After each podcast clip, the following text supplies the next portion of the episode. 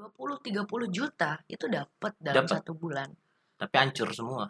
Tapi lo seks komersial.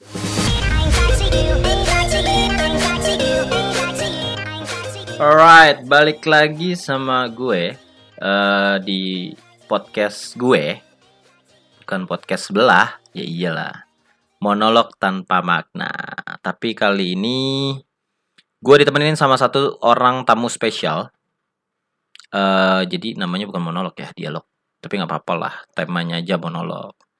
Karena kan memang dari awalnya udah monolog, jadi gue nggak mungkin berubah jadi dialog. So, tamu gue kali ini siapa? Aku Widi. Widi, perempuan loh. Kali ini gue mau ngobrol sama dia tentang eh seputaran dunia malam. Hmm, Mantap kan? Seputaran dunia malam. Dia ini adalah salah satu orang mantan lah ya, ex, ex eh, yang berkecimpung di dunia malam lah.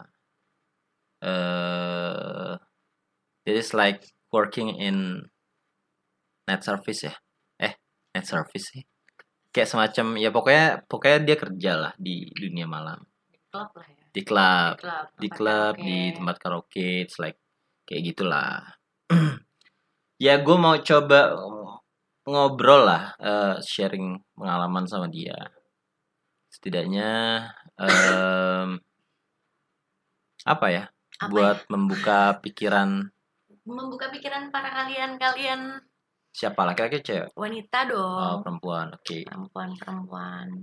buat membuka yang pikiran mereka muda, ya yang masih muda biar Masih labil supaya nggak ikut kecebur dalam dunia itu.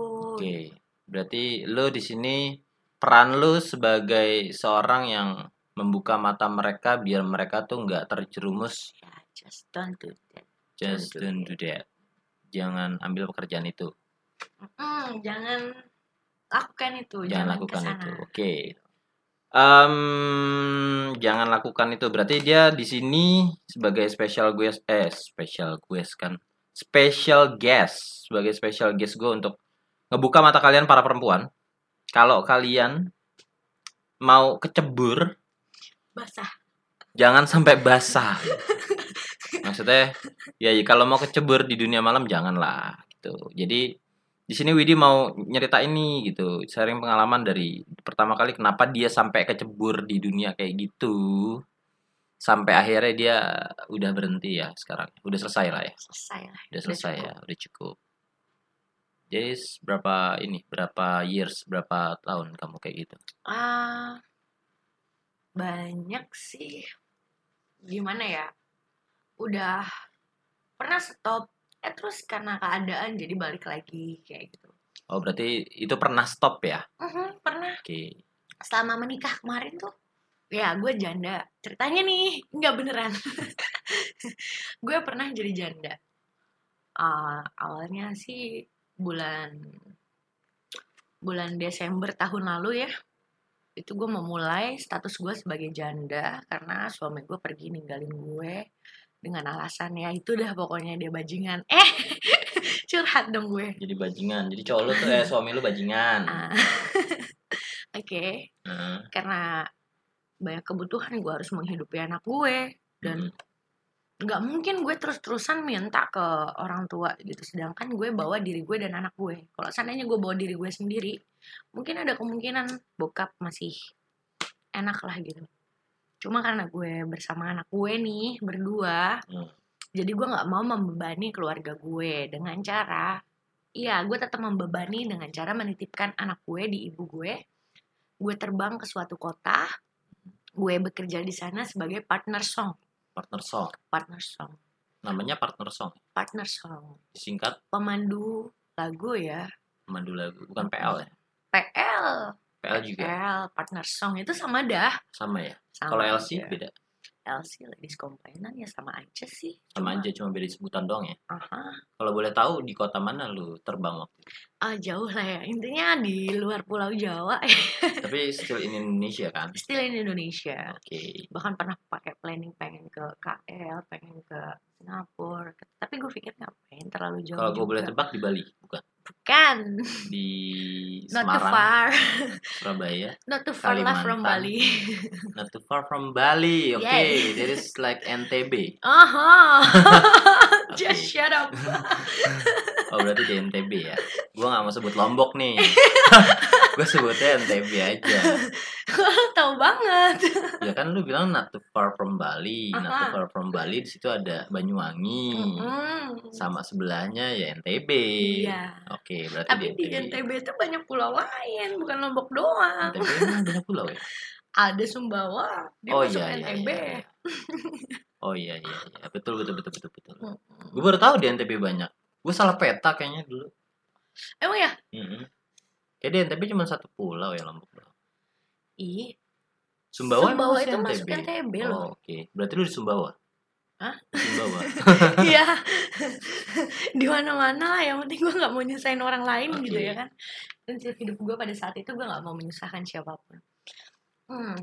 Sebelumnya itu di Tapi lu umur sebelumnya gue. before berarti stay in Jakarta dong. ya di Jakarta. Stay in Jakarta terus lu terbang ke sana untuk kerja Mm-mm. di salah satu lah di salah satu klub di NTB sana. Iya tepat. Oke. Nah, itu awalnya sih karena itu awalnya sih karena apa ya? Karena tekanan ya, karena gue juga sendiri, gue juga nggak bersuami gitu. Daripada hidup gue bebas nongkrong ke sana sini buat ngilangin stres gue, mendingan gue cari cara pergi yang jauh ke mana itu terserah. Yang penting gue bisa lupain semua gitu. Yang penting bisa ubah kebiasaan gue yang dulu gitu kayak yang uh, mikir kenapa sih nggak adil kenapa sih gue harus dapet laki-laki yang kayak begini gitu ah nggak boleh terlalu larut juga kan gue mikirin kesedihan kayak gitu jadi mendingan gue cabut gue cari nafkah lah kasarnya untuk anak gue gitu but untuk balik lagi ke dunia itu sih sebenarnya gue sempat nyesel juga karena sebelumnya gue pernah ada di posisi itu sebelum gue menikah nih gue pernah ada di posisi itu adalah pernah satu laki-laki yang bawa gue buat stop to that stop lakuin kerjaan itu Itu Oke. pacar lu berarti. dulu pacar gue Pacar lu di Jakarta. di Jakarta. Dia baik dia ngurus gue semuanya. Lah pokoknya treat me like a queen ya. Hmm. and then hmm, setelah ada masalah beberapa masalah sedikit gue pisah sama dia. Dan itu gue berhenti kerja malam. Dan kemudian gue diem di rumah. Ya sebagian adalah tabungan gue makanya gue bisa stay aja di rumah gitu nggak perlu kerja. Tapi gue pikir lagi pengeluaran banyak banget. Jadinya kalau seandainya lo udah kecebur ke situ itu bakalan larinya ke situ ke situ lagi aja gitu karena Hmm. gimana gue kerja biasa juga udah pernah dicoba kerja like a normal person ya Hmm, hmm. kerja pagi pulang sore kerja pagi pulang malam pernah coba buat ngelakuin itu tapi tetap aja kejepit balik lagi ke sana kejepit balik lagi ke sana Itu berapa lama lu stop untuk eh, kerja kayak gitu? ah berapa lama stop untuk kerja kayak gitu itu selama menikah sekitar tiga tahunan ya nggak sampai tiga tahun lah dua tahun lebih gue berhenti kerja kayak gitu nah terus pas uh, Oh itu sebelum berarti menikah- pertama kali lu kerja itu bukan di Lombok dong? bukan Oh di Sebelumnya Jakarta. gua pernah kerja di Jakarta. Oh, Oke. daerah Kelapa Gading Aha. Uh-uh. Masih sebutin banget ya. sebutin aja nggak apa-apa gua nggak mancing loh pada. Ah. Kenapa lu nggak nunggu gua mancing? karena gue terpancing Kayak trap question ya. Iya. Oke. Terus oh, berarti lu sempat berhenti itu setahun dua tahun. Hmm. Berapa tahun? Spesifik. di Gading itu Heeh. Berhenti beker- kerja kayak gitu. uh, ya selama gue menikah itu gue udah nggak kerja Oke. Mm. Terus kemarin gue selesai nikah ya gue kerja lagi Lu nikah berapa tahun berarti? Ah, nikah itu sekitar tiga tahunan enggak nih tiga tahun Oh berarti lu stop it for doing that tuh tiga tahun. Ah, ah, sekitar tiga tahun Dan lu ngelakuin lagi. dan sekarang gue lakuin lagi eh But tapi in- sekarang udah nggak Oh sekarang udah. But in Ah. different town gitu ya. ah Berarti lu terbang ke Lombok setelah lu pisah sama suami Mm, lu yang dan- kata lu brengsek itu. ya dan yang emang brengsek loh dia dan yang gimana ya buat untuk berpikir stop it itu banyak sih yang jadi pertimbangan kenapa harus kita berhenti gitu. Nah itu yang penting. nah itu ini dah coba Gue- poinnya apa poinnya?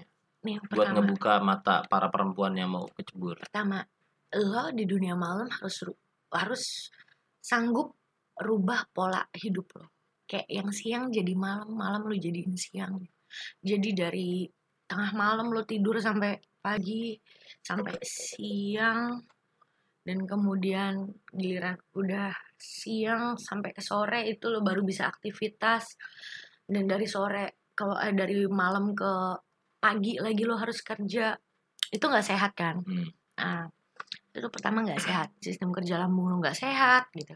Dan tengah malam itu lo harus minum, harus konsumsi alkohol. Itu mesti ya? Eh, Nggak juga kan? mesti sih. Tapi kalau di iya Cuma untuk kerjaan kayak gitu nggak mungkin lo nggak nyentuh, nyentuh alkohol itu nggak mungkin. oh, Nggak ada kemungkinan lo nggak bisa nyentuh alkohol. Pasti sih itu termasuk doping juga karena setiap malam lo harus denger musik kencang. Iya dong. Lo di hall, di klub, di lounge itu kan musiknya tuh berisik gitu. Dan kalau seandainya lo normal person gitu, normal keadaan gitu, kondisi lo normal itu pasti bakalan noisy banget gitu. Bum bum bum bum, mana sanggup sih gitu ya kan. tiap hari Pasti harus kasih. dengerin kayak gitu ya. Heeh, pasti kasih kasih mi, apa kasih minuman gitu supaya badan enak buat denger musiknya gitu ya kan always sih pasti pasti setiap hari itu konsumsi alkohol dan itu bakalan oke untuk satu tahun dua tahun tiga tahun empat lima tahun ke depan lu masih oke ntar ke belakang yang niatnya lo mau nyari duit untuk anak-anak lo untuk keluarga lo gitu niatnya lo mau nyari duit malah lo nyari penyakit Hmm, Iya oke. kan? Bukan lo cari duit, tapi lo cari penyakit. Lo cari jalan supaya lo cepet mati. Cepet mati. Cepet mati dong. Loh, banyak sih yang gue lihat ya. Sebagian sebagian kecil sih nggak sebagian besar. Beberapa teman gue itu meninggal muda karena komplikasi hati, liver itulah karena minuman ya. Pola tidur juga berubah ya. Pola tidur berubah, nggak sehat. Fungsi lambung lo bakalan hancur juga. Iya sih. gitu karena lo makan itu udah sore lo baru makan malam itu jam-jam lambung lo istirahat Iya kan betul betul. Semua Iya. organ lo seharusnya malam itu istirahat kan. malam itu istirahat jadi lo pakai kerja Kalau just for one day or two day, oke okay. lah, nggak problem lah ya. Dan no ini jadi rutinitas Kalau setiap hari ya pasti nggak sehat. Karena Mhm. memang orang yang begadang terus aja tuh kayak security yang mereka selalu dapat shift malam pun sebenarnya nggak bagus juga. Tapi karena mereka cowok kan, iya apalagi kalau cewek, apalagi kena alkohol gitu kan. Mm-mm. Iya sih gila juga. yang tadinya lo berpikir oke kalau seandainya lo bisa gunain pikiran lo buat investasi lo dapat gaji lo pakai buat beli apa lo pakai buat beli apa di belakang nanti lo amit-amit kalau lo Hmm. sakit gitu itu ada untuk biaya. Kalau seandainya lo pakai uang itu karena lo pikir wah uang ini gampang dapet Hmm. harus gampang dihabisin gitu. Jadinya ah ini habis besok pasti ada lagi ini habis besok pasti ada lagi. Kalau pikiran bakalan terus terus kayak gitu ya nggak bakalan punya tabungan juga. Karena kerja malam kayak gitu butuh juga gaya hidup gaya hidupnya tuh tinggi juga gitu. Gaya hidupnya tinggi juga berarti. tinggi juga tinggi juga gaya hidupnya.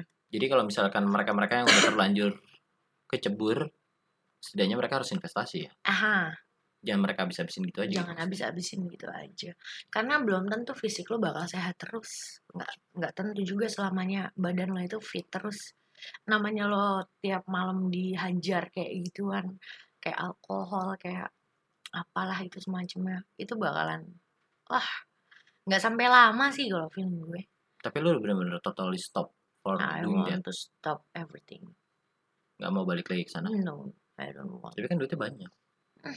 duit banyak juga apa kalau kalau lo nggak sehat sampai ke belakangnya lo dapet sakit dapet musibah dapet apalah inilah itulah. Banyak banyak banyak bakalan banyak banget resiko yang didapat kalau seandainya lo terus terusan hidup di dunia kayak gitu.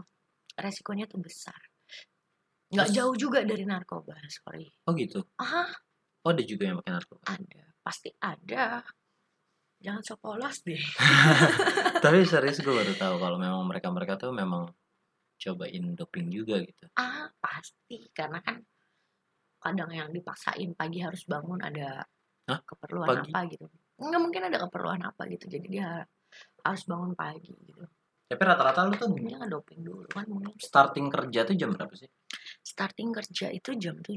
sampai jam sampai jam 3 pagi.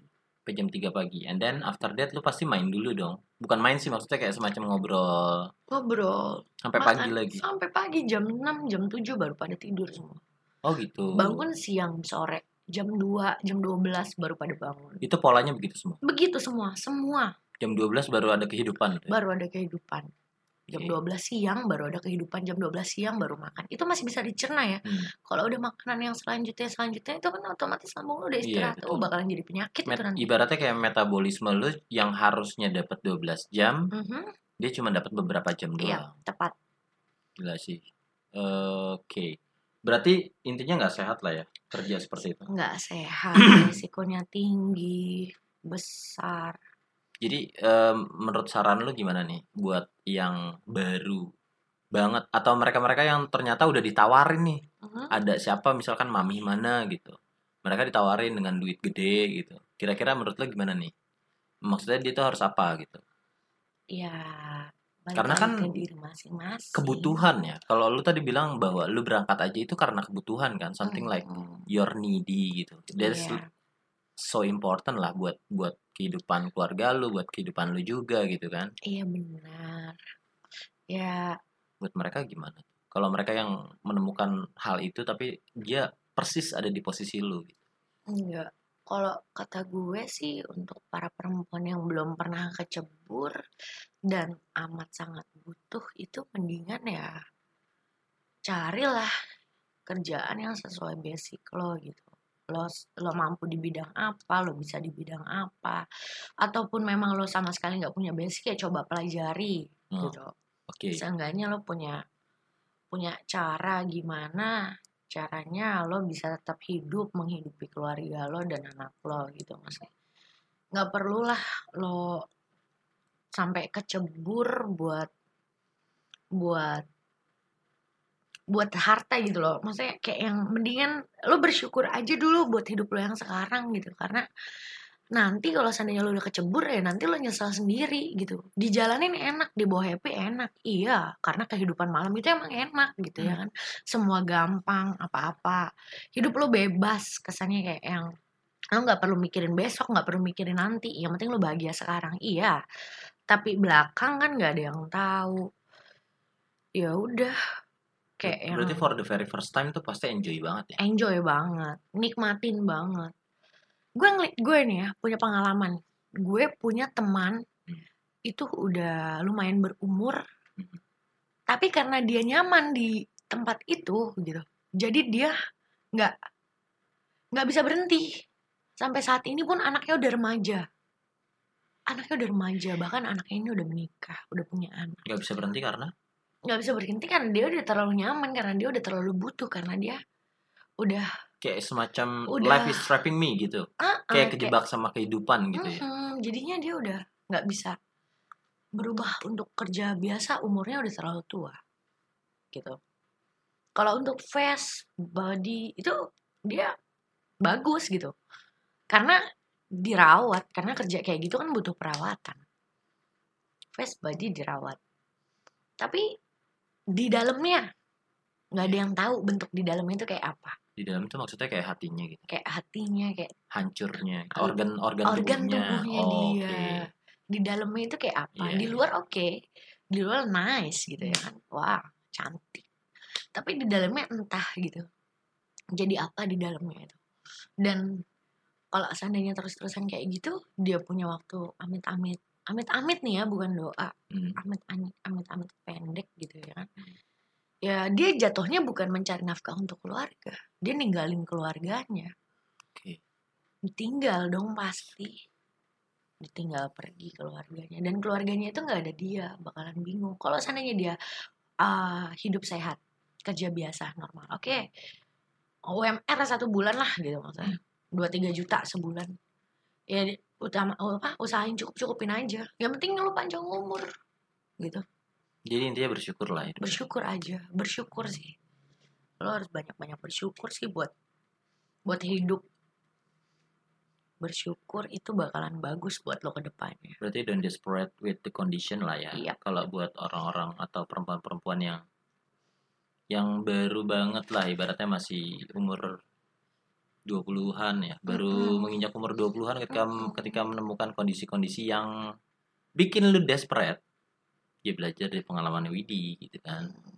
Dan hati-hati buat buat beberapa penawaran kerja yang dibilang enggak kok cuma kerja di tempat karaoke. Tapi ternyata sampai sana lo harus ngelakuin seks komersial. Oh gitu? Hati-hati. Ada. Ada, juga yang kayak gitu? Ada. Gue bukan so polos tapi emang gue gak tahu. Iya kalau itu beneran ada ada. Jadi hati-hati. Kalau emang lo mau kerja dunia malam lo jelas eh, apa lo harus jelas semua muanya tuh harus gamblang. Jangan yang oke karena tergiur uang besar lo main berangkat aja. Nanti nggak tahu ya pas udah berangkat ada ada beberapa orang tuh yang menawarkan kerja ayo lo kerja. Gaji lo satu bulan bisa 30, 40, 50 gitu. 30 apa? Juta. Anjir. 20 30 juta itu dapat dalam Dapet. satu bulan. tapi hancur semua. Tapi lo seks komersial, oh oke. Bukan kerja di karaoke, bukan kerja di klub, bukan. Ada yang kayak gitu. Jadi harus hati-hati, harus dalemin dulu apa nih? Di Kerjaan. daerah mana nih? Lo harus cari tahu dulu tempat kerjanya nih apa namanya? Oh dikasih tahu ini. Lo cari lo browse lo apa.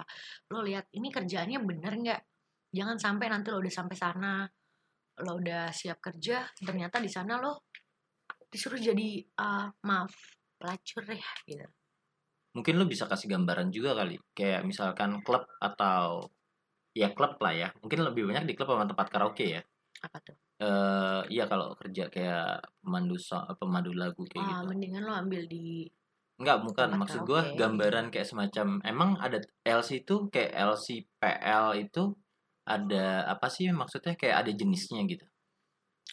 Ada yang mungkin si klub itu ngas apa ngasih kebebasan untuk dia ML gitu. Di situ atau gimana? Ada nggak sih klasifikasinya gitu loh. Kayak misalkan ini klub nih.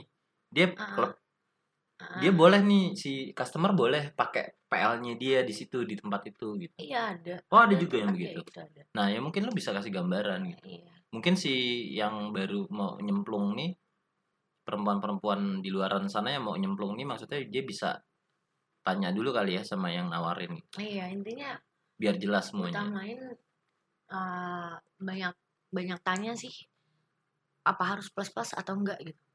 Hmm. kalau seandainya emang lo kadang ada jadinya mendingan lo cari tahu dulu tempat kerja lo apa lo cari tahu di situ bisa kayak gitu apa enggak. Kalau enggak ya udah berangkat sana gitu. Tapi nggak bagus juga sih mendingan gak usah lah mendingan gak usah. Mendingan gak usah. Nggak maksud gua kalau misalkan itu dia bisa aja kan agensinya atau orang yang nawarin itu kan bohong. Hmm. Ya makanya lo cari tahu sendiri jangan.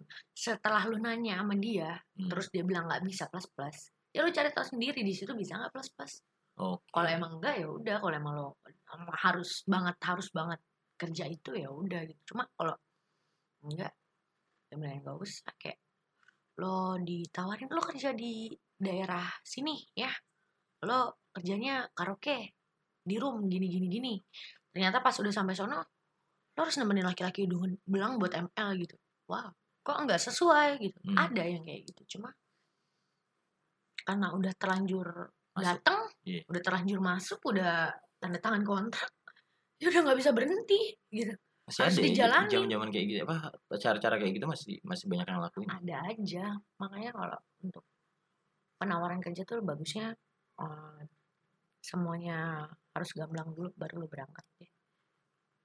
pokoknya harus cari tahu kok tempatnya tuh di mana cara kerjanya tuh gimana. Pokoknya harus harus harus banget kalau emang lo diharuskan banget kerja malam kayak gitu. Jangan sampai lo terjebak. Jangan sampai lo jadi apa? Manusia yang dijual dong kasar banget ya. Human trafficking gitu ya. human trafficking ya. Aha, human trafficking jangan sampai sih ada yang kayak gitu soalnya ada beberapa Tapi secara psikologi gimana sih buat orang-orang yang kayak gitu? Maksudnya eh ya kayak pemandu lagu pun kan every day, every night itu kan beda laki-laki yang ada di sampingnya gitu. Secara Ah. psik- psikis gimana sih ngaruh gak sih kalau? ngaruh sih kalau menurut gue Itu kayak semacam gimana gitu. lo ketemu stranger Nah, stranger kayak lo harus nemenin dia for every night gitu. Hmm, Ya every night selama lo kerja kan. ah, ah. strangernya pun beda-beda kan Ah, gitu. Ah, lo harus ketemu setiap setiap setiap laki-laki baru yang datang gitu. Pasti lo temuin lo temenin dia minum lo pilihin dia lagu lo tuangin dia minuman. Kadang ada yang kurang ajar itu nggak satu dua. Yang menurut dia dia udah bayar jadi dia bisa ngelakuin apa aja. Itu nggak satu dua. Dan itu kurang ajar sih kalau masih SOP ya oke. Tapi kalau udah lebih SOP ya pasti ngamuk deh gue. Oh, lu termasuk orang yang ngamuk juga kalau misalnya lu Ngamuk udah nggak mikirin di mana lu kerja lu harus ngormatin tempat bodoh kerja lu. amat. Ya dia udah nggak sopan sama gue gitu. Sedangkan pekerjaan gue ya nggak harusnya nggak kayak gini. Caranya tuh nggak kayak gini. Udah lu tuh nggak boleh gini itu. gue gak kerjaan gue cuma sebagai nemenin lo nyanyi nemenin lo minum kalau seandainya lo udah megang yang aw gitu Hmm. ih ya pasti gue marah gitu. Itu kayak yang lo dapat kontrol emosi lu juga sih kerja kayak gitu. Emang lu nggak bisa kontrol emosi lu? berarti secara psikologi lu kena juga dong. Kena lah pasti. Berarti lu jadi kayak semacam apa nih? Maksud gua kayak semacam lu jadi kan every night itu kan stranger. Aha. Terus hati lu gimana kabarnya gitu loh maksud gua apakah lu masih punya hati lain buat laki-laki lain gitu loh ada something like that gitu lu pernah kan ngerasain jatuh cinta kayak gitu-gitu tapi lu Iya. every night lu ketemu stranger gitu Heeh. ya kalau itu udah ngomongin cinta nih ya Hmm. Ya kan itu psikolog eh psikologis juga psikologis Enggak. orang. lo jadi gampang banget buat buat ngelupain cinta tuh jadi gampang banget karena Maksudnya terlalu banyak laki-laki yang masuk ke kehidupan lo kan oke. Ngerti nggak? Impersonal. Oh berarti tamu-tamu itu memang nggak nggak nggak ngasih space gitu. Maksud gua ada beberapa mungkin ada beberapa laki-laki gitu ya. Yang mereka tuh nggak ngasih space gitu kayak impersonal mereka cerita gitu loh. Kayak yang gimana ya? Ya enggak maksud gua kan lu tadi bilang bahwa lu tuh jadi gampang ngelupain cinta gitu kan. Aha. Kenapa kayak gitu? ya karena Karena setiap laki-laki stranger itu impersonal sama lu atau gimana sih? iya Impersonal karena- tuh nggak buka hati juga kan enggak gitu. bukan kayak kayak yang oh, udah banyak laki-laki gitu di hidup gue ngapain gue mikirin laki-laki ini besok juga dapat lagi Oh gitu. Ya. ya kan Karena memang udah banyak banget laki-laki yang datang strangers like lu temenin kayak gitu ya. Mhm. Oke. jadinya udah kayak yang oke lah Nggak- buat Berarti eh, dampak negatif buat psikologis eh, orang ketika dia kerja kayak gitu, dia jadi kayak mati rasa gitu ya. nanti rasa Kayak yang apa ya? Cinta jadi nggak indah lagi kali. ya. hmm, mungkin Menurut lo kayak gitu. iya kalau kata gue kayak gitu Jadi kayak ah tai kucing lah. ah, biasa aja gitu Kayak ada orang yang rayu-rayu lu eh sok-sok perhatian lu tuh yang ah tai kucing gitu. ya serius. iya serius Emang kayak gitu ya? kadang ada rasa kayak gitu Tapi bisa balik lagi gak sih rasa kayak gitu? entah. Semoga bisa. Sampai saat mungkin kalau kalau kalau udah berhenti gitu bisa sih. Lu mulai recovery, recovery. Everything. Mulai ngerasain ada ada getaran-getaran. Ah, getaran-getaran. Anjay, getaran dong. Wah, asmara. Coba. Mulai ada getaran-getaran cinta gitu ya. ah getaran cinta. Ada vibrator ya berarti Vibrator anjir. ya, itulah oke buat lu lu yang buat lu lu. Iya buat kalian lah. Buat kalian yang pengen kecebur ke dunia malam, kerja ke dunia malam. So you must think about that for 100 maybe. Mhm. eh nggak semuanya yang kalian tuh enak gitu. Nggak semua yang mereka ceritain tentang dunia malam tuh enak. Maybe Iya. just for one year, two years tadi yang Widi bilang sampai mungkin sampai tiga tahun sampai lima tahun tuh masih enak lah ya, masih masih enjoy for that. Tapi lima tahun ke kemudian lo akan menerima dampaknya. akan susah cabut karena lo udah terlalu nyaman Oke, lo akan susah cabut kayak life is trapping you, kayak lo kejebak sama kehidupan lo karena mungkin ya gaya hidupnya makin gila gitu kan. Karena kan iya iya iya, gue gue paham tuh, kayak terpola gitu ya. iya. Kayak pola gitu ya? Kayak misalkan eh ya ke pola gitu. Jadi hidup tuh kan kayak habit ya. Kayak kebiasaan lu ngelakuin ini lu beli ini lu bisa beli itu tiba-tiba lu harus downgrade kayak yang ah anjir gitu ya iya. Kalau gue kerja tempat lain gue nggak mungkin dapat pendapatannya sekian gitu kan. Oke jangan sampai ya ini buat pelajaran kalian sih jangan sampai ya sampai kejebak sama kehidupan yang kayak gitu gitu. Walaupun lu udah kejebak please jangan sampai nyaman. Kalau lu udah kejebak please jangan sampai nyaman. Berusaha untuk keluar dari nyamannya itu ya. Iya. Karena memang secara psikologis secara dampak apa pun negatif. Kesehatan pun nggak bagus kesehatan pun nggak psikologis bagus. Secara psikologis nih contohnya Widi. Dia udah nggak mau lagi gitu. Udah nggak ada getaran-getaran gitu deh ya kan dulu zaman dulu tuh kan kalau kita jatuh cinta tuh rasanya indah banget gitu kan. Kayak yang apa ya kayak yang seneng aja gitu. Mungkin Widi sekarang rasanya udah nggak lagi kali ya? Ya untuk rasa senangnya ada. Cuma eh, beberapa waktu aja sih ke belakang udah ya beda kan. semakin mengenal kan. Satu sama lain ya udah ya gitulah pokoknya nggak bisa diceritain juga oh nggak bisa gimana gitu rasanya udah udahlah ya udah. apa deh Iya, jadi kayak gitu. Jadi secara psikologis hati pun jadi kayak mati rasa gitu.